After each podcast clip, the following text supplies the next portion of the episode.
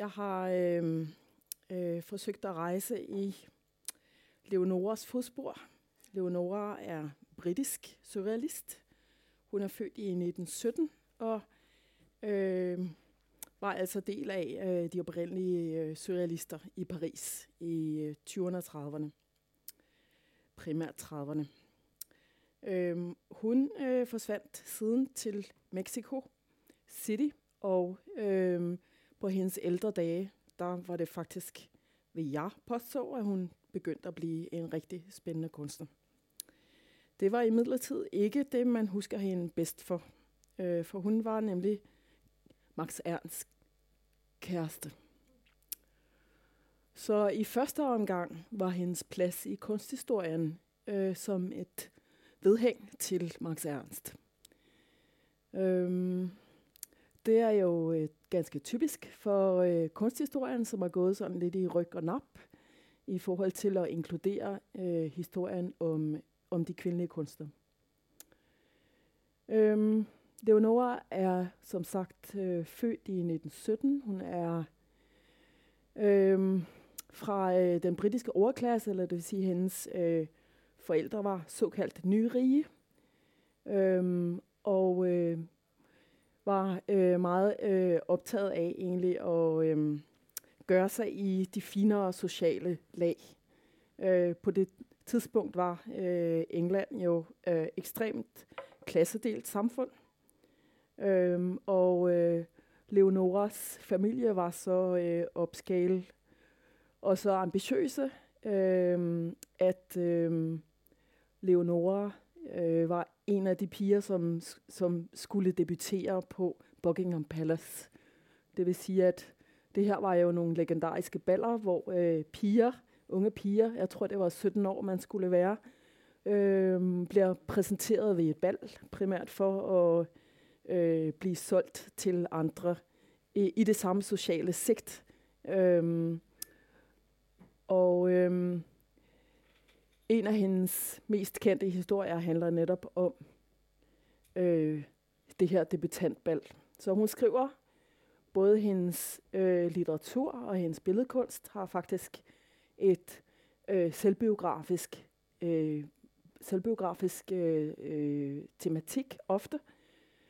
Øhm, men øh, hendes øh, sprog er jo så øh, ganske anderledes end øh, samtidens øh, sådan øh, virkelighedslitteratur. Så det er ikke ligesom øh, et straight sprog, som handler om hendes hverdag. Det er et øh, vildt og symbolsk sprog, øh, som er præget af mytologi først og fremmest.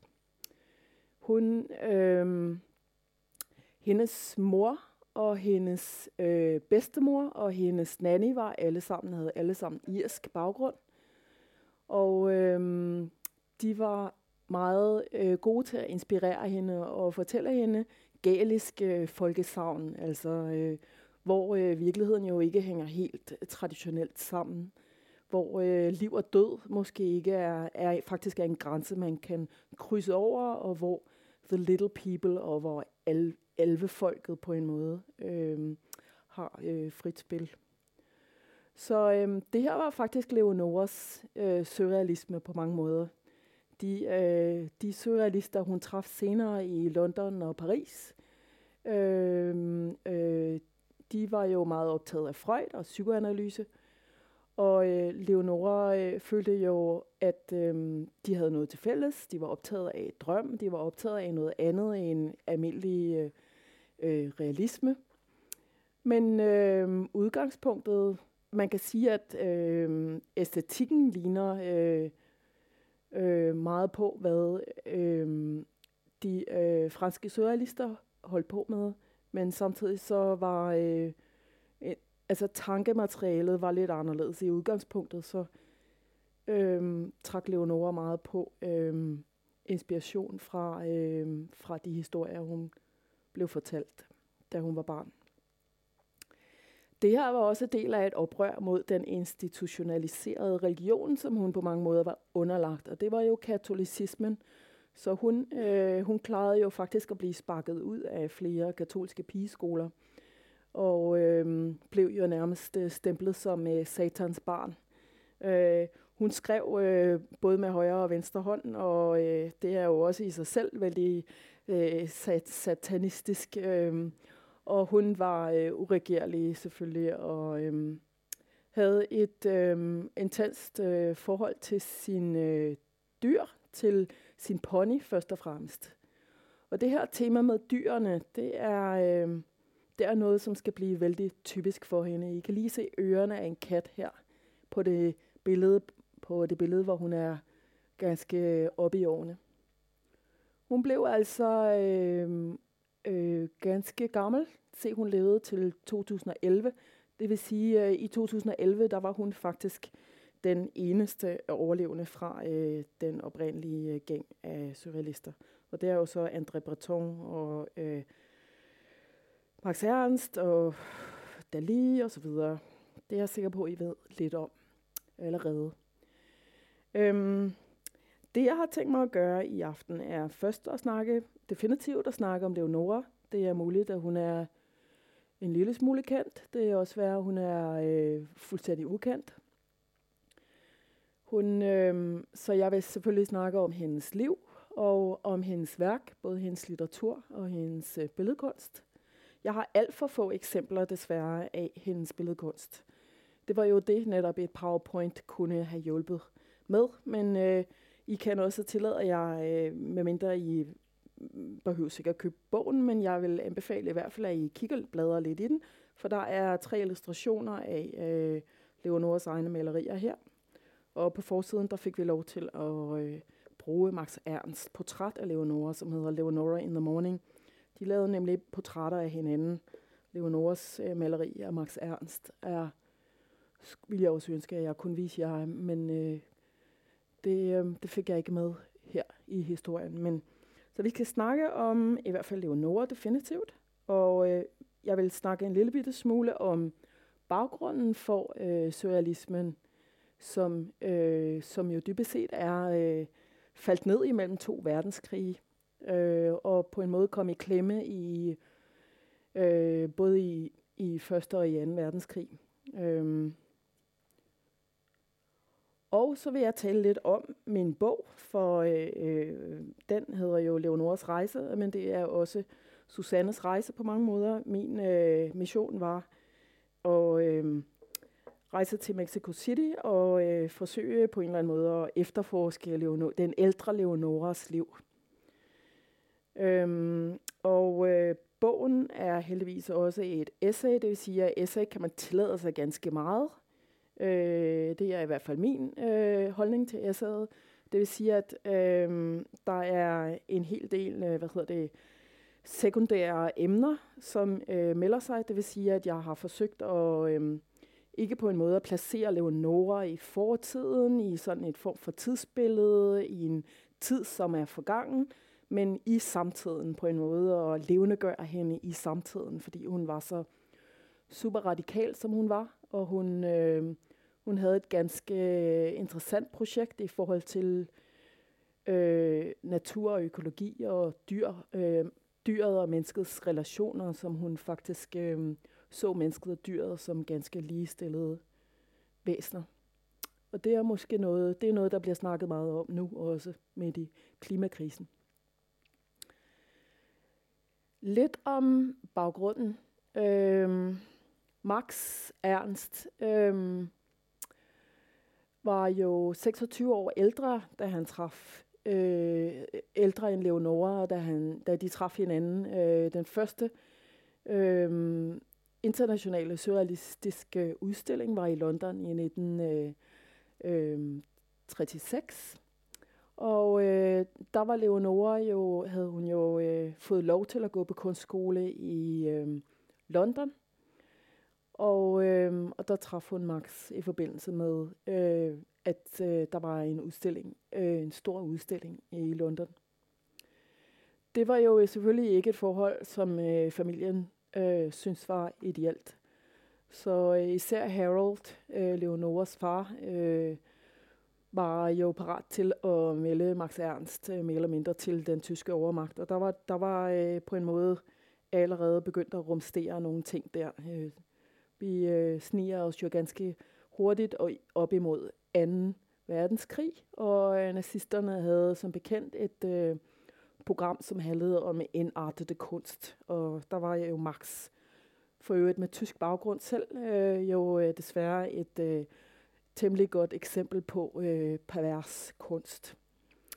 Og at han så også havde stjålet, øh, stjålet øh, Harold datter øh, fra ham, det, øh, det var øh, svært upopulært.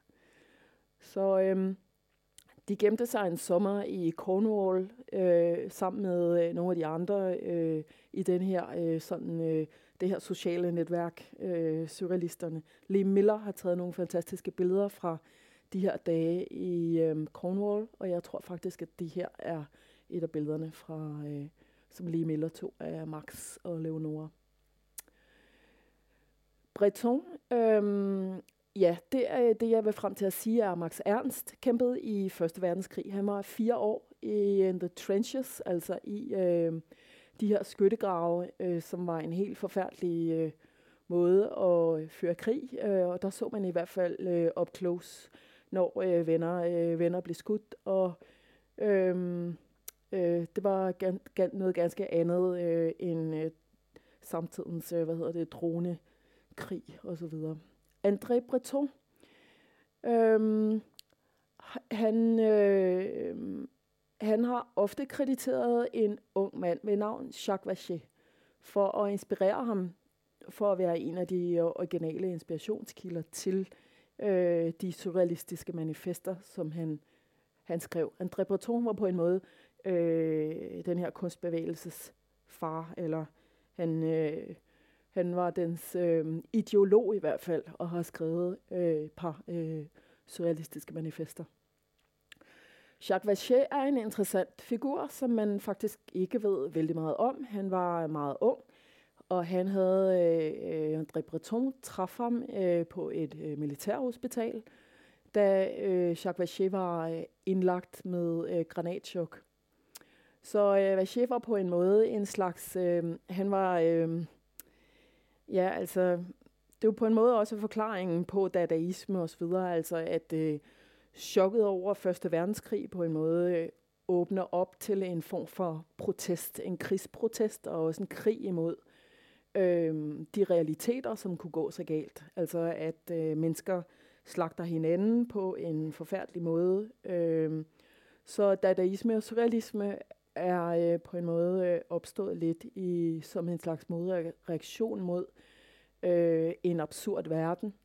Øh, så det er ligesom absurditet mod absurditet, eller vanvid mod vanvid.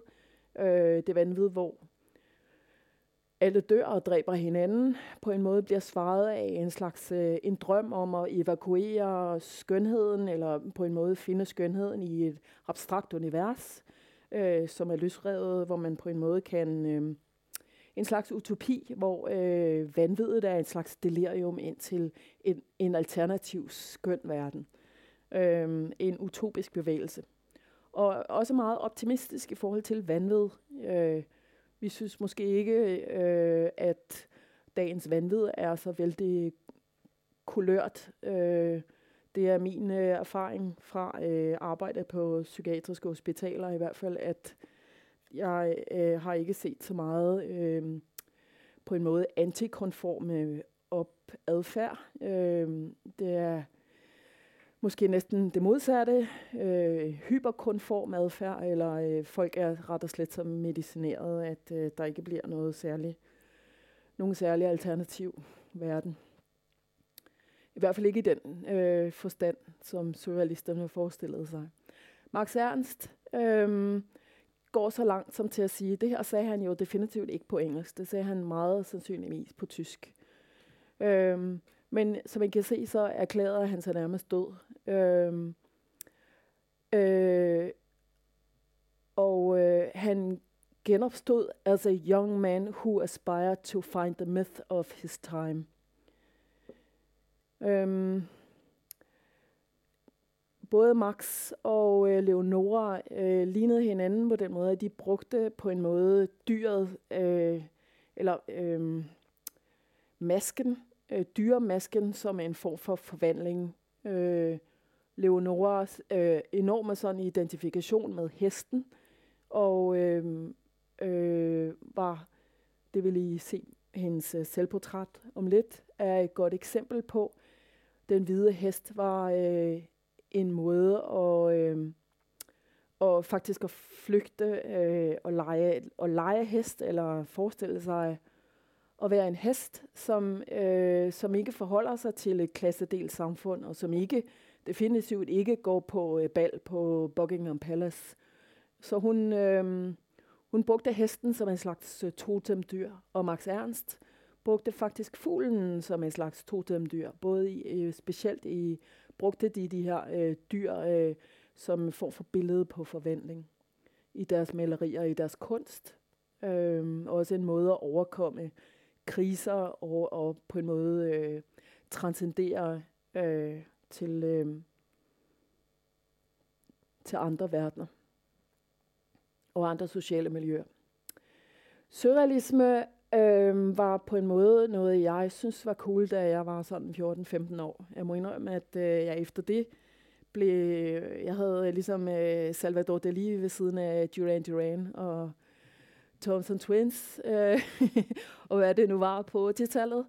Øh, Øh, I kender jo øh, Dali på en måde, som er, altså jeg mener, der er næsten ikke, øh, altså I ser jo øh, surrealismen på en måde er blevet optaget i reklamesproget på mange måder.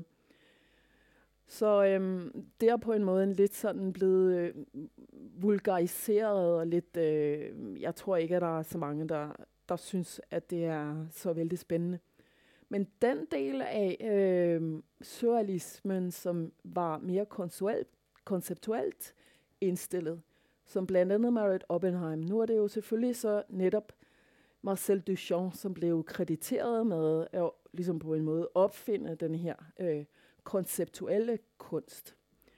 Øh, I kender måske øh, Marcel Duchamps øh, pissoir, som på en måde er vendt på hovedet, ikke sandt? Så bliver den jo til en form for mærkelig abstrakt genstand, og den kan ikke bruges længere som pissoir. Den og den bliver flyttet ind i øh, kunst øh, i galleriet, og derfor er den kunst. Her er Marriott Oppenheim. De var faktisk øh, næsten ude samtidig, og nogen vil så påstå, at faktisk Marriott Oppenheim var lidt hurtigere til at opfinde de her, det her konceptuelle greb, jo, som er øh, umiddelbart fængende øh, kunstværker. Og vi, øh, de er på en måde udløser altid sådan latter. Øh, det er nemt at forstå, hvad, øh, hvad dealen er på en måde. Her er et par høje hæle, som ligger sådan bundet sammen som en anden sådan julekalkun, ikke sandt? Øh, og øh, den her øh, værdifulde sten, som øh, er blevet erstattet af en sukkerknald, øh, og denne her meget berømte, jo øh, utrolig mærkelige øh, tekop med teske, som har fået pels på sig. Øh, den her står i en montre på meget højtidlig vis på øh, MoMA i New York og ser fuldstændig ser ud som om, at øh, kunstværket keder sig skikkelig altså. Øh, fordi der er så meget humor, og det er på en måde, man ser ligesom, at det er en gestus og en, en hurtig, ligesom impulsiv idé. Og så jeg synes, de her værker er vældig morsomme, og øh, kan også være pro- potentielt provokerende. Jeg har set et billede af øh, Marriott Oppenheim selv, som havde meget dramatisk udseende, som drak øh, varm chokolade med flødeskum af den her kop. Og man kan jo godt føle, at øh, netop at der er et eller andet ægelt ved, man vil nødig have hår i maden, og, og på en måde, så man bliver jo konfronteret med et eller andet, et eller andet øh, pelsværk af en slags. Og øh, det kan måske have nogle sådan seksuelle associationer, øh, om ikke andet, så er det en kop, som på en måde øh, hurtigt kan blive til en lidt en udfordring øh, i forhold til at rent faktisk at bruge den. Øhm, så de her greb, dem ser I faktisk overalt nu i samtidskunsten. Det er bare at gå ned på øh, Bergen Assembly eller hvor som helst, den konceptuelle kunst. Så den her del af, øh, på en måde, surrealismen, den er alive and kicking. Oh God! Ejra?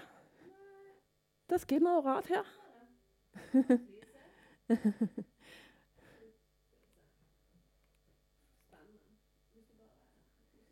ja.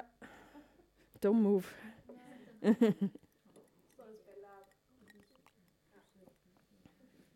Kom jeg til at trykke? Okay, greit. Yep. Okay.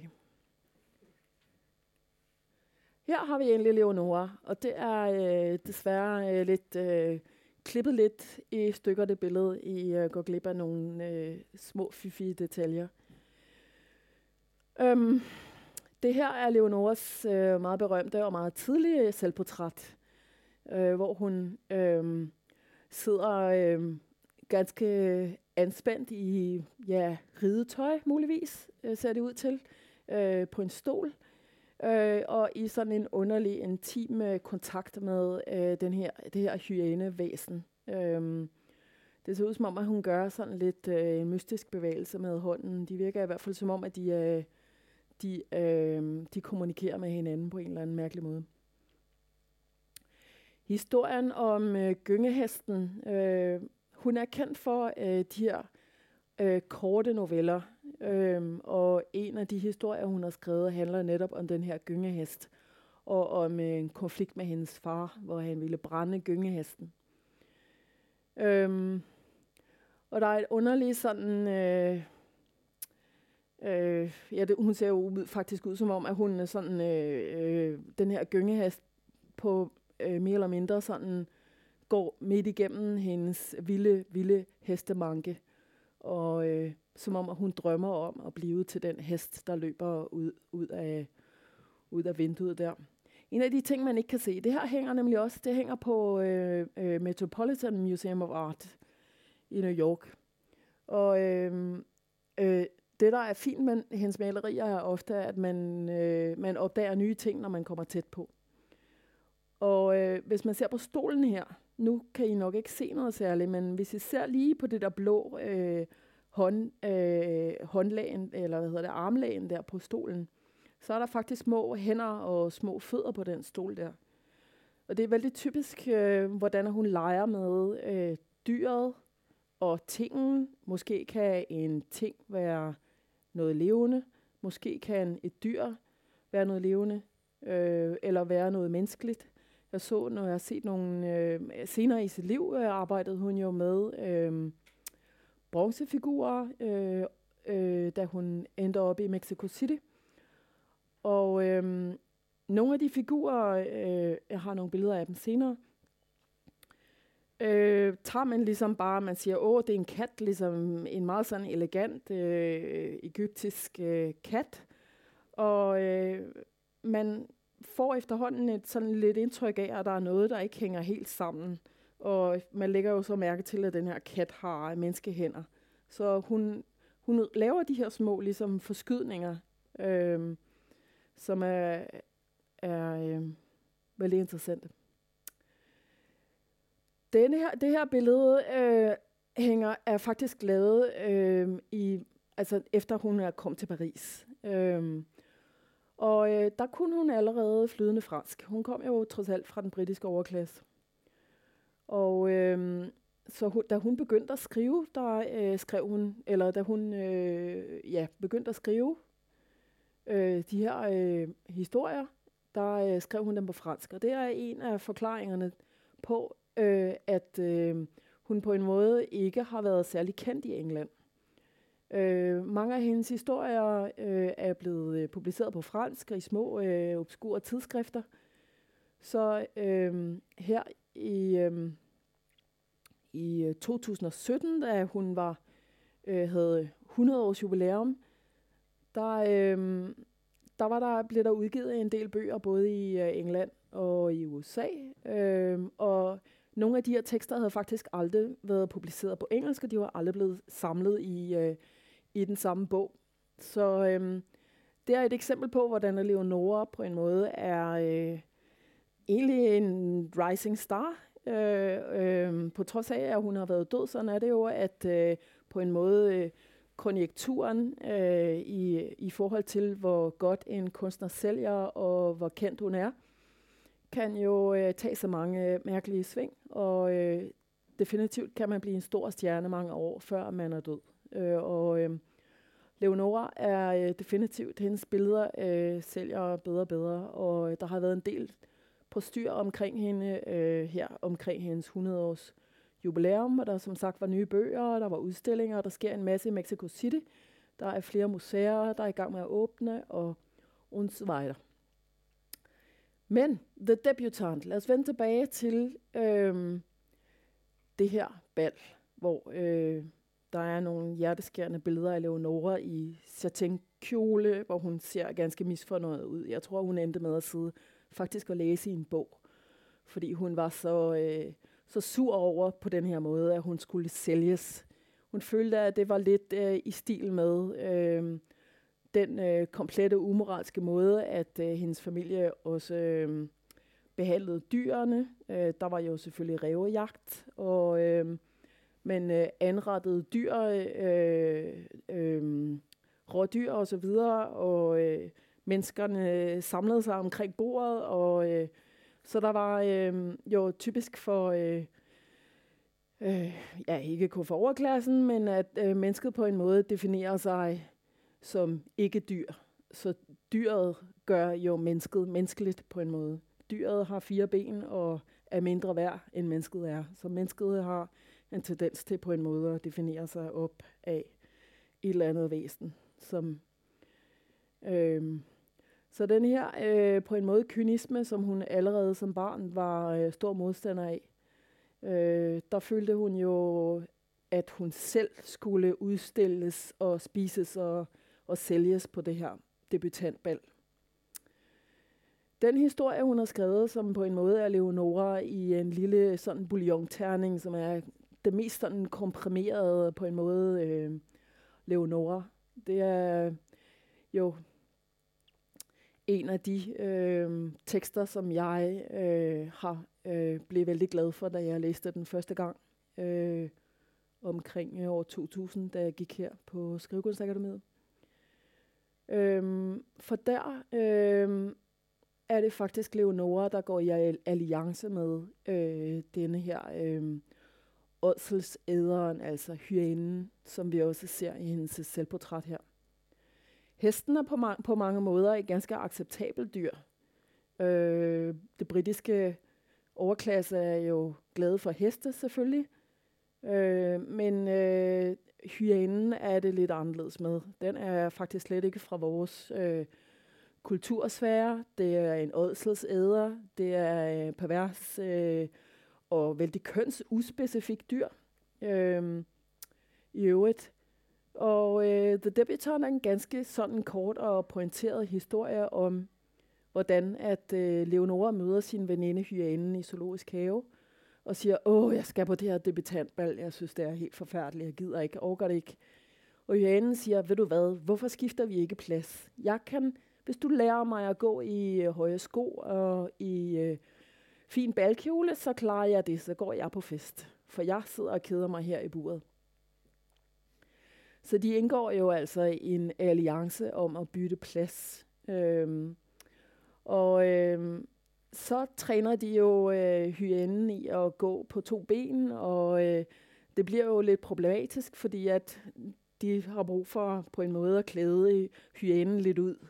Og øhm, det de finder på er jo, at øh, ja, der er jo en, øh, en øh, tjener, en øh, Leonoras, øh, øh, hvad hedder det, barnepige, kommer ind, øh, og øh, øh, hun, ja nej, det var jo tjenestefolk faktisk, øh, som kommer ind, og øh, som, ja, de bare sådan beslutter, at du kan jo spise hende, og så kan vi sådan gnave hendes ansigt af, og så har vi en fin maske. Øhm, og det går hyænen jo, synes jo, hyænen er en strålende idé. Øh, og øh, så hyænen går jo til bal øh, med den her øh, stump eller rest af øh, øh, tjenerens, øh, tjenerens ansigt. Det går jo ganske dårligt, selvfølgelig. Tjeneren, øh, eller hvad hedder det, hyænen kan jo på en måde ikke rigtig te sig ordentligt, og den stinker jo vældig øh, stærkt, og den øh, bryder sig ikke om kage, så øh, den bliver jo serveret en, ja, noget mad, som den ikke, øh, ja, den på en måde klikker, sådan som man kan gøre i øh, et sådan lidt ans- sidder om omkring et bord i sådan en anspændt, anspændt øh, situation. Og øh, hyænen øh, far op og føler, at den er ved at blive afsløret, og øh, siger, åh nej, øh, ved I hvad, øh, jeg passer ikke, jeg gider ikke at være her. Og jeg husker ikke. Den har en fantastisk replik, som historien ligesom slutter med. Den er bare tre sider lang, den her. Jeg skal ikke ødelægge det fuldstændig for jer, men øh, hvis I læser den, den er nem at finde i hvert fald. Så øh, snapper den jo det her ansigt, det her, den her maske i sig og springer ud af vinduet. Øhm, og der har du virkelig øh, sådan på en måde Leonoras leg med de her øh, på en måde hierarkier, øh, som, øh, som hun i udgangspunktet er øh, definitivt ikke øh, vil finde sig i.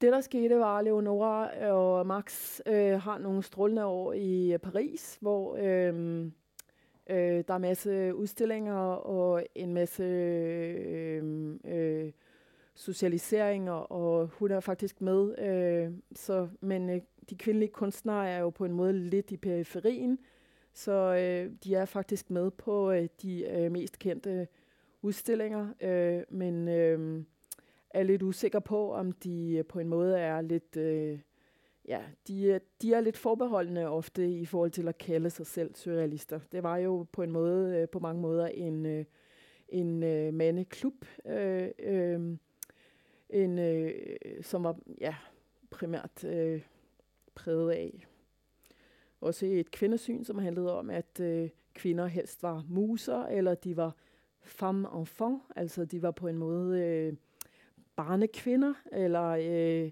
på en måde øh, øh, et, øh, noget, som inspirerede øh, de mandlige kunstnere. Det der var jo, var Max Ernst var jo gift, øh, men det var han jo ikke så bekymret for i forhold til egentlig. Men øh, Marie Bert øh, blev alligevel sådan lidt, øh, hvad hedder det, øh, utilfreds med, at øh, Max øh, pludselig havde en ny elskerinde, og øh, førte sig frem sammen med hende. Øh, Leonora og Max flyttede så til øh, Sydfrankrig, øh, hvor de havde en eller to, øh, en eller to øh, sommer, før at øh, 2. verdenskrig altså på, for alvor var ved at bryde løs. Så øh, Max ender i fængsel, og det er i første omgang øh, franskmændene, som øh, smider ham i fængsel. Han er jo enemy alien, det vil sige, at han er en tysk mand, som bor i Frankrig, netop som øh, øh, tyskerne skal til at invadere. Øh, man er bange for, at han er en slags øh, spion. Så, men øh, der mobiliserer øh, Max' øh, venner i Paris og Leonora, og de får ham ud af fængslet. Øh, men den anden gang, han ryger i fængsel, der er det så øh, tyskerne, som har rykket frem og øh, putter ham i fængsel. Øh, og øh, der øh, undslipper Leonora kun med nød og næppe. Og hun øh, flygter med et par af sine øh, britiske venner og i en lille bil øh, over grænsen til Spanien. Så øh, de kører afsted øh, til øh, Madrid. Og øh, her har Leonora så øh, på en måde forsøgt at klare sig i det her øh, bondehus øh, ude på den franske bygd.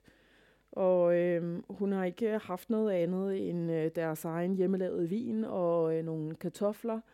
Øh, hun er faktisk øh, blevet ganske udmagret og har øh, drukket for meget vin og spist for lidt mad og øh, begynder at blive ganske øh, crazy. Øh, hun er selvfølgelig, øh, det er jo på en måde en form for vanvid, øh, som det ikke er svært at forstå, at hun er ude af sig selv af angst. Øh, nazisterne og koncentrationslejrene og Max er borte.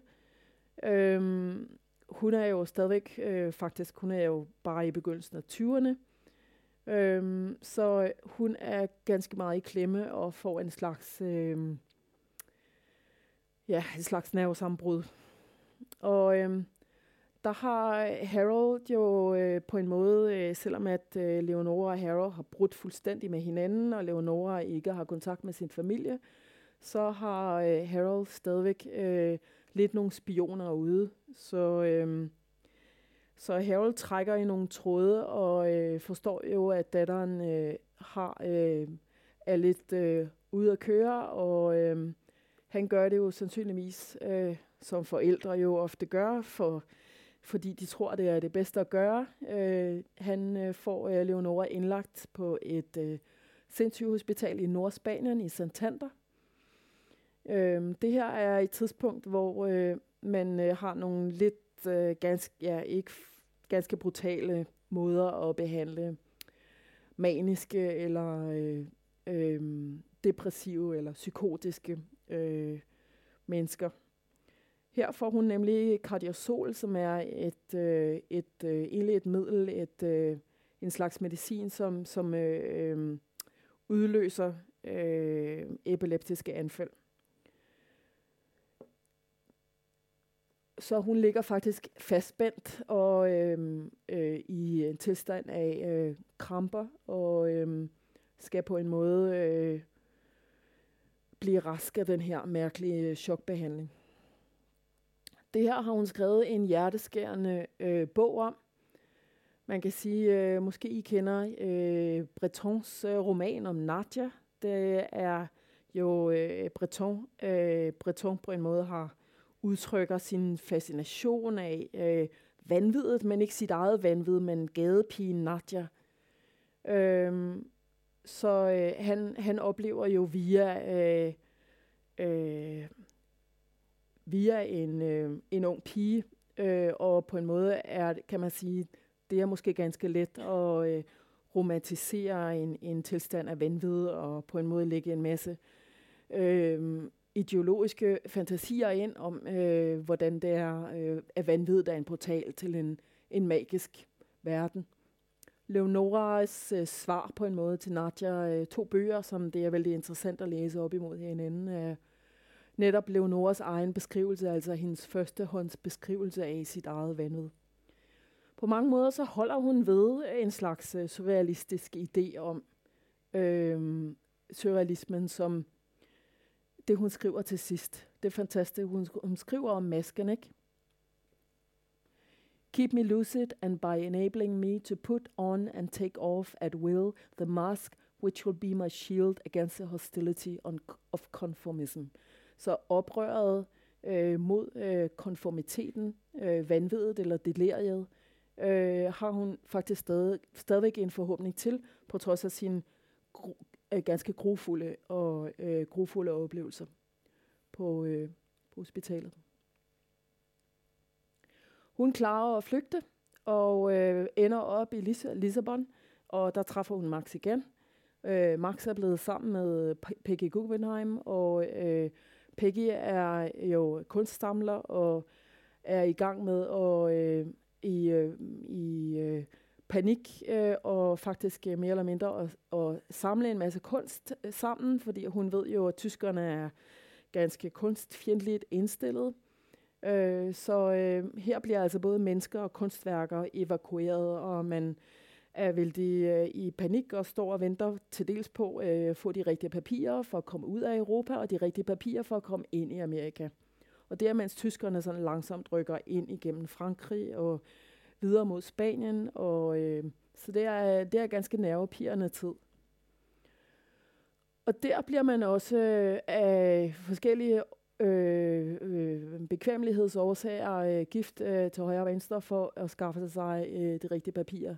Leonora træffer en øh, bekendt fra Paris, faktisk en meksikansk, øh, kon, øh, hvad hedder det, ja, han arbejder jo på ambassade, Renato Leduc, øh, som hun øh, gifter sig med, og øh, Max og øh, Peggy bliver vel først gift senere, men øh, de bliver i hvert fald gift, så vidt jeg ved. Ja, det gør de vel først i USA, faktisk.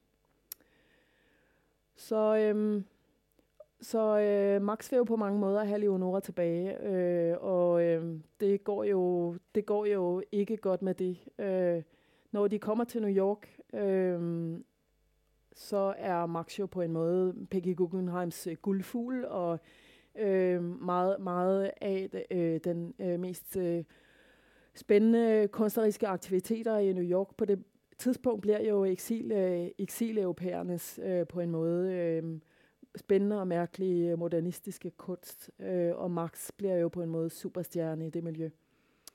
Leonora bliver ikke så længe, og hun flytter med Renato Leduc til øh, Mexico City, og så er hun på en måde ude af historien øh, i første omgang. Og øh, det er jo der, at jeg synes, at hun bliver interessant. Fordi øh, der ender hun... Mexico er helt uden for øh, krigen, og har øh, tilbudt sig at øh, øh, tage øh, så mange øh, flygtninge fra Europa, som det lader sig gøre, og de kan få frit lejde, og øh, de kan få øh, lov til at bo i øh, Mexico. Så der opstår jo et ganske stort miljø. Det her er på Frida Carlos tid. Øhm, øh, så øh, Frida og øh, Leonora havde en smule kontakt, men øh, Leonoras øh, primære venner øh, bliver jo øh, andre kvindelige eksilkunstnere fra Europa. Remedios Varo fra Spanien og øh, øh, Katie Horna fra Ungarn.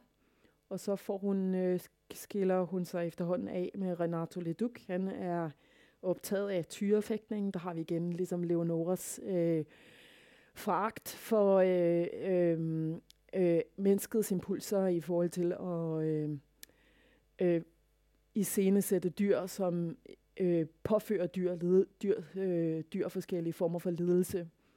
Øh, Vi er næsten fremme til det her fantastiske spørgsmål, vi har gloet på i lang tid nu. Øh, hvad fandt jeg på rejsen i Leonoras fodspor? Øh, det, der er, det, der er fint øh, med øh, essayet, er, øh, at øh, du har mulighed for at... Jeg har et, ja, for at sige det på en anden måde. Jeg har en epigraf her øh, af Donna Haraway, som er øh, en... Øh, amerikansk forsker, øko, øh, øh, forsker i økologi og teknologi. Øh, hun skriver blandt andet, It matters what stories tell stories. Og sådan som jeg forstår hendes formulering, så øh, handler det om, at Leonora er min historie, som jeg vil fortælle, men jeg har også en historie med mig. Og øh, jeg rejste til Mexico City på et tidspunkt i begyndelsen af november, selvfølgelig for den dramatiske effekt, det her Dia, Dia des Muertos, altså de dødes dag øh, i Mexico. Og øh, der har jeg øh, mulighed for på en måde at øh, skille historien op i forskellige niveauer, og øh, på en måde indfører nogle niveauer, som har med samtiden at gøre. Så der har jeg øh, listet nogle øh, tematikker ind, som handler om øh, min, øh, mine, mig og mine kollegaer, de øh, på en måde sekundære kulturarbejdere, øh, og de, som arbejder freelance, og som, hvor jeg har oplevet en del øh, udbrændthedssymptomer og en del øh, depression og øh, en del øh, problemer. Øh, vi er øh, vi er en følsom race på den måde, at vi øh, øh, altså er løsarbejdere jo, og øh, øh, ikke nødvendigvis øh, har nogen stærk øh, fagforening i ryggen, og noget, som jeg har tænkt meget på, er netop, hvordan jeg får mig kollegaer, og hvordan at vi kan støtte hinanden osv. Jeg har nemlig oplevet, at mine kollegaer har en lidt anderledes øh, på en måde øh, variation af øh, vanvittet, som er knap så utopisk, som, som øh, surrealisterne forestillede sig. På en måde er det blevet sværere og sværere at forestille sig et alternativ. I en tid, hvor ideolo- ideologierne på en måde har lagt sig lidt til ro, og vi er i en slags øh, kapitalistisk øh, samfund, som, hvor øh, det ikke umiddelbart ser ud til, at kapitalismen jo, som egentlig er en ideologi, er blevet til en slags naturtilstand, som det er vældig svært at øh, forestille sig et alternativ. Og noget af det handler jo om, hvordan man arbejder som øh, løsarbejder, og det er jo, vi er jo flere og flere, som arbejder. Øh, mine, for, mine forældres generation kan jo ikke forstå. De har jo siddet på det samme kontor i, i øh, 5-10 år, ikke sandt? og så får de fuld pension og så videre. Så øh, mine forældre kan jo ikke forstå, hvad det er, jeg laver. Jeg siger, men det er sådan, folk arbejder, og det er sådan, arbejdet ser ud i dag. Så jeg har nogle øh, digressioner her, som handler om øh, mine kollegaer, øh, som har, øh, så jeg har lidt sådan nogle øh, filosofiske på en måde øh, sammenstillinger i forhold til øh, Leonoras vanvidsbeskrivelser, og øh, på en måde eksempler på dagens vanvid. Og det var jo noget, jeg tænkte meget på, da jeg rejste på de, des, øh, øh, på de dødes dag, altså i begyndelsen af november. For den dramatiske effekts skyld. Og jeg har aldrig været i Mexico City, må jeg indrømme, og jeg har heller aldrig, øh, jeg kan desværre ikke spansk. Jeg har haft en masse tysk og fransk i skolen, men jeg er nærmest på, jeg kan sige gracias og vale vale, og jeg kommer ikke så meget længere end det, desværre, på spansk. Øhm, så ligesom min foregående bog fra øh, 2011, som foregik i Rusland, øh, så på en måde kan det se ud som om, at det er en pointe for mig at rejse til et sted, hvor jeg er ganske hjælpeløs og lost, i hvert fald i forhold til kommunikation. Øhm, så, øhm, så det gik jo ganske dårligt. Jeg, blev, jeg fik influenza med det samme, øh, da jeg kom til Mexico City. Det er jo en by, som ligger meget højt, øh, så øh, det, er en, det er en vældig tynd luft. Og øh, det er også en, bil, en by, som er helt overraskende forurenet og øh, helt episk, øh, gigantisk stor og vældig svær at, ligesom at gå fra den ene ende til den anden. Det vil tage øh, mange, mange timer. Øhm, så, øhm, så det var jo ikke noget godt udgangspunkt. Jeg havde jo gjort et stop i New York, og der havde jeg truffet en... Bogen handler jo også om forsk... Altså, en ting er de kollegiale fællesskaber, men også forskningsfællesskaberne. For jeg kom jo på en måde ind i den her familie, som var bestod af Leonora-forskere, som både er grand old ladies og, øh, og unge forskere, som er super interesserede i, øh, og som øh, holder seminarier og konferencer om øh, de kvindelige surrealister. Der havde jeg øh, slået øh, sving ind omkring New York, og der havde jeg truffet øh, Susan, som er øh, Leonora-forsker. Og øh, hun var øh, en gave til bogen. Hun øh, så mig lidt anden og øh, tænkte, når øh, hun, øh, hun virker som om hun er ok, øh, hun har gang i et eller andet. Og Susan tog sin notesbog frem og sagde, når du kommer til Mexico City, så skal du snakke med den og den og den og den. Du skal gå derind, du skal gå derind. Og jeg var sådan, oh my god! Ligesom, for jeg, altså jeg kan godt lide på en måde at være lidt slapstick, øh, dårlig, dårlig journalist. Øh, der kommer jo på en måde altid nogle øh, sjove situationer øh, ud af. Øh, og øh, improvis, improvisere. Øh, så jeg havde jo strålende forhåbninger om, at det her skulle gå bra, og, øh, men da jeg kom til Mexico City, så sendte jeg jo på en måde følere ud til højre og venstre. Ingen var i byen, ingen svarede, og desuden så havde jeg deadline. Så den klassiske situation var jo som freelancer, at man er jo egentlig på et job i en eller anden by, og skal, skal et eller andet bestemt, mens øh, der pludselig er et andet job, som er brænder på. Så øh, for det første havde jeg influenza, jeg gik helt ned med fladet, og øh, så brugte jeg nogle dage på at skrive et essay om Depeche Mode. Så, øhm, og der gik tiden, og øh, den historie, hvad det nu var, jeg ville finde, jeg var også usikker på, hvad projektet egentlig, hvordan finder jeg Leonora, ligesom skal jeg gå på en grav og stampe i jorden, eller hvad skal jeg gøre, ligesom? Og øh, en del af øh, tanken bag bogen er jo også at øh, på en måde bruge det her magiske tilfælde øh, og som surrealisterne også var vældig optaget af, at gå rundt i byen på en måde, og drømme lidt, og, og øh, en, øh, på en måde at øh, være optaget af øh, magiske, magiske møder og tilfælde, øh, ting som opstår tilfældigt. Og det skete heldigvis. De aller sidste dage, så traf jeg en, øh, jeg traf en ung pige, øh,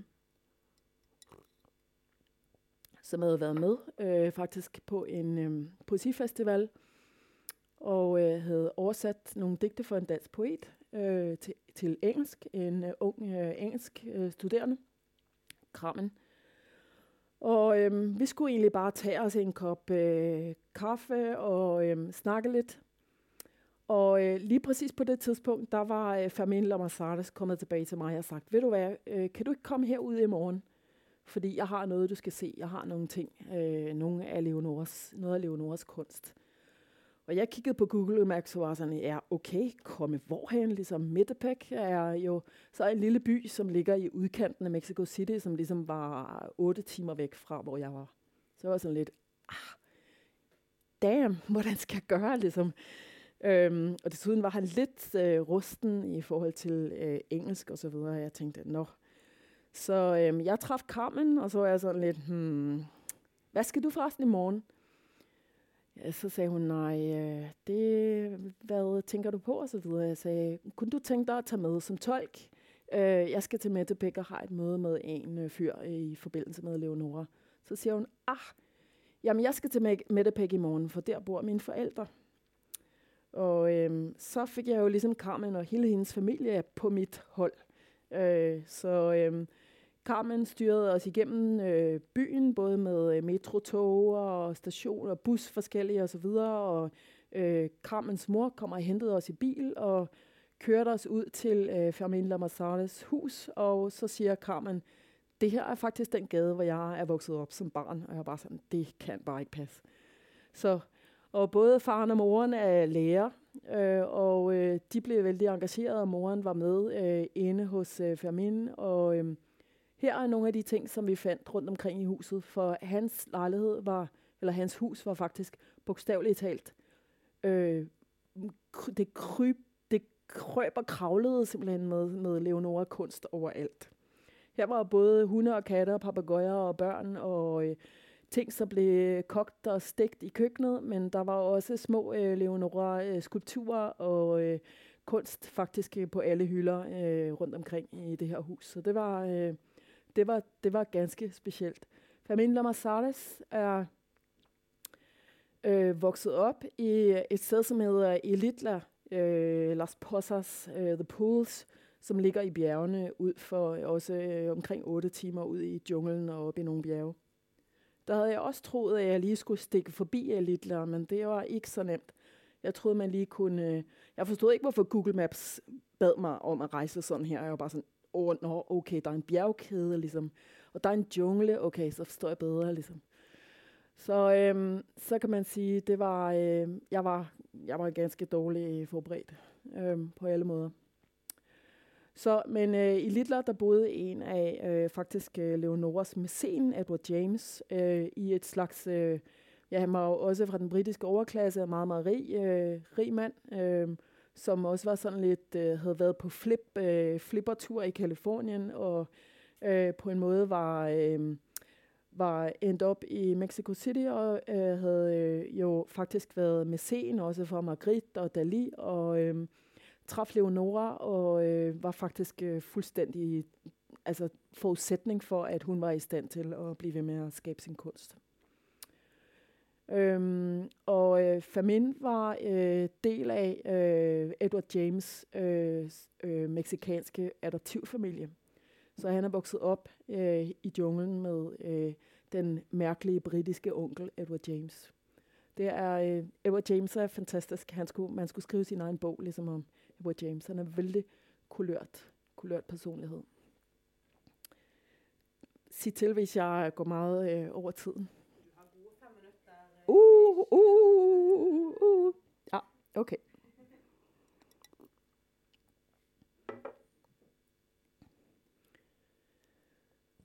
Ja, for den dramatiske effekt, så havde jeg jo selvfølgelig mulighed for at skrive en masse øh, beretninger ind, som øh, har at gøre med øh, mig, som øh, tumler rundt i Mexikos gader øh, i ganske sådan dramatiske øh, spectacle her med øh, forskellige døde døde, øh, døde sjæle. Um, en af de ting, som er interessant, og som Leon... Nej, det skal jeg komme tilbage til lidt senere. Nu må jeg ikke, øh, det var min afslutning, jeg skulle i gang med her. Så det gik jo faktisk. Jeg fik lavet en historie øh, i Mexico City på mange måder. Det var jeg jo ganske, ganske glad for. Og jeg, vi havde vi havde en fabelagtig øh, dag hos øh, Fermin, og han viste os en masse. De er jo faktisk ved at lave øh, øh, tre museer øh, i øh, øh, Leonora-relaterede museer i og uden, uden for øh, Mexico City, så der er virkelig en, en enorm sådan oprustning i gang, hvor Leonora skal være den nye på en måde Frida Kahlo og sådan brande byen og trække turister til og så videre. Jeg ved ikke, hvad de forestiller sig, men jeg tror, øh, jeg tror, det kan blive spændende at se, når øh, der bliver... Jeg så faktisk Leonora tørklæder og så videre, så de er i gang med ligesom at bygge, bygge hendes brand op. Øhm, jeg rejste videre og til Tijuana, hvor jeg ikke havde planlagt at gøre noget andet end at gå over grænsen til, øh, til øh, USA. Øh, jeg var interesseret i, hvordan den her grænseovergang egentlig så ud, som jo vi desværre har hørt en masse om i forbindelse med Trump. Og det var jo endnu et forsøg fra min side øh, på at trække, trække samtiden ind i, øh, i historien. Det vigtigste, der skete i Los Angeles, var definitivt, at jeg traf øh, den øh, første Leonora-forsker, Gloria Orenstein, som øh, traf Leonora i begyndelsen af 70-tallet. Øh, Gloria var øh, fra øh, boede i New York øh, på det tidspunkt, og hun var øh, hun var med i det miljø, øh, som vi øh, kalder andenbølgefeministerne, altså øh, 70-tals øh, feministerne, øh, som jo faktisk startede med at mødes i øh, ja, at lave øh, øh, salonger i hinandens lejligheder, og øh, øh, blandt andet snakker om øh, kunsthistorien og diskuterer, øh, hvor de, øh, hvorfor de, hvor, hvor, hvor er historien om de kvindelige kunstnere, de kvindelige surrealister. Så, og der øh, fik Leonora, eller der fik Gloria faktisk øh, kontakt med øh, Leonora, og øh, Gloria er nu øh, over 80 år gammel, øh, og en lille sådan spralsk øh, gal dame med øh, sådan rødt øh, carrot top og øh, store øreringe, og øh, hun, øh, hun kom til at fylde rigtig meget i min bog, fordi hun på en måde selv var et slags øh, surrealistisk element, og hun var en utrolig god historiefortæller, så jeg lod hende bare øh, simpelthen snakke. Jeg gjorde min bog om til en slags scene og puttede Gloria op på scenen, og jeg synes, hun skulle få lov til at overtage historien. Så det er der, at øh, historien slutter med Glorias historie om sine møder med øh, Leonora. Ja, vi tager ikke så meget på den der, men øh, jeg vil bare sige, at I er advaret, fordi der er, Leonora springer lidt ud og ind af forskellige historier. Blandt andet så har jeg puttet en ind i en scene fra The Force Awakens, altså den her kampscene øh, med Carlo Ren ude i, øh, ude i snelandskab. Øhm, vi lader den stå.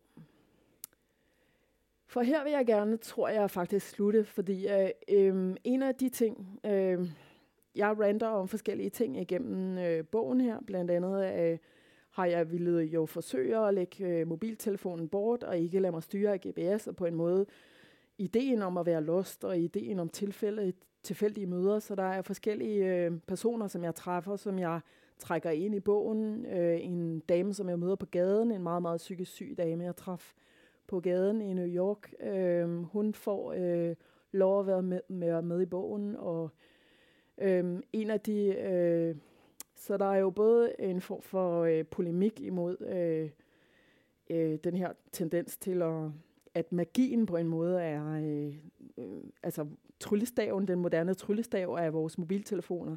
Men jeg tænker på, måske at magien kunne være noget andet end, end sådan det teknologiske fremskridt. Så det er en af de hang-ups, jeg har. En anden er jo netop at sætte Leonora lidt i forbindelse med øh, den aktuelle klimakrise og øh, hendes øh, anti-antropocentriske, grundlæggende anti-antropocentriske holdning, øh, som øh, vi både ser i hendes, det her, øh, øh, hvad hedder det, leg med hierarkier, øh, med hyænen og med hestene, og øh, øh, de dyr og de væsener, de hybridvæsener, øh, som øh, hendes kunst øh, på en måde flyder over af. Så jeg har puttet hende lidt øh, op i forskellige øh, samtaler, blandt andet med hende her, Donna Haraway, som er sådan en økofilosof, øh, som jeg også øh, citerer i begrafen. Jeg fandt for nylig, bare for øh, ganske få dage siden, har jeg læst den her Extinction Rebellion Handbook, Øh, og en af de aktivister, som har øh, skrevet en lille tekst her, det er en, en tekstsamling øh, af hedder Sam Nights. Og øh, han siger noget, som jeg, øh, jeg elskede det her citat med det samme, da jeg så det. Lad mig læse det. The problem is a complete and utter failure to imagine any meaningful alternative. Perhaps this book uh, will go some way to change that. We need to rewild the world. That much is obvious. But first we need to rewild the imagination. We, we must learn how to dream again, and we have to learn that together. To break down the old ways of thinking and to move beyond a current conception of what is and what is not possible. Um, altså rewild the world og rewild the imagination. For jeg render jo også en del imod norsk samtidslitteratur. Den her virkelighedslitteratur har også gjort, at vi er blevet vældig sådan optaget af øh, den, øh, vores egen hverdag og vores øh, på en måde nære øh, øh, omgivelser og øh, familiens forskellige kriser og, og øh, parforhold og så videre. Så øh, en af de ting, som jeg tænkte på med den her bog, var netop at på en måde at slå lidt hul i den her skandinaviske boble, som vil ved at suge, på en måde sluge samtidslitteraturen, øhm, og på en måde øh, forsøge at reaktivere Leonora en smule som en kraft i samtiden og se, øh, hvad, hvad der sker, hvis jeg, øh, hvis jeg sætter hende lidt i, øh, aktiverer hende på en eller anden måde, graver hende op, ret og slet fra hendes grav, mere eller mindre. Det, jeg vil øh, sige til allersidst, er, en af de ting, en af de flotte, flotte ting, man kan se i øh, Mexico City, er Leonoras mural, altså hendes vægmaleri, som er mega stor. Jeg tror, det er 8 meter, øh, enormt stor tilhænger på Museum for Antropologi i Mexico City. Det her er et maleri, som hedder øh, El Mundo Mágico de Maya, altså Maya-folkets magiske verden. Leonora øh, tog ud i junglen, øh, i Chiapas junglen, og øh, boede der et halvt år faktisk og lavede research på øh, det her maleri. Og der traf hun blandt andet en øh, svejtisk antropolog, som hedder øh, Gertrude Blom. Øh, og øh, hun er ganske interessant, øh, og øh, har blandt andet skrevet en tekst i begyndelsen af 80-tallet, som hedder The Jungle is Burning. Og øh, det er vældig bevægende og trist og øh, mærkeligt, og selvfølgelig øh, være klar over, hvor akut øh, folk har påpeget de problemer mange, mange år, for mange, mange år siden, som vi står midt oppe i nu, hvor øh, øh, junglen i Amazonas også har netop stået i øh, vilde flammer. Det, som Leonora fandt ud af, var, at hun øh, på en måde igennem hendes opvækst var øh, bekæmpet, forsøgte hun at bekæmpe den institutionaliserede religion, altså øh, katolicismen. Og øh, når hun kommer til Mexico, så finder hun ud af, at øh, der har de sandelig også haft nogle issues med kapitalismen, for at sige det mildt. For øh, det, der jo skete øh, for Maya-folket, var jo, at conquistadorerne kom øh, Øh, fra Spanien, og øh, de havde katolicismen med sig. Og de var jo ikke milde, da de traf øh, Maya-folket, som I nok ved. Hernan Cortés, Cortés the Killer, øh, var ikke interesseret i øh, på en måde meget andet end at underlægge sig mig folket øh, på en vældig øh, brutal måde. Så Leonora fandt ud af det, og på en måde øh, fandt ud af, at den keltiske mytologi og øh, Maya, Maya, øh, Mayaernes billedverden, blandt andet opløsninger imellem øh, liv og død, øh, muligheden for at bevæge sig over grænser, og øh, en idé om også, at mennesker og dyr lever i en mere ligestillet og dynamisk relation, øh, langt borte fra idéer om sådan mere traditionel øh, sådan hierarkier. Så øh, jeg tror, jeg slutter der. Faktisk. Ja.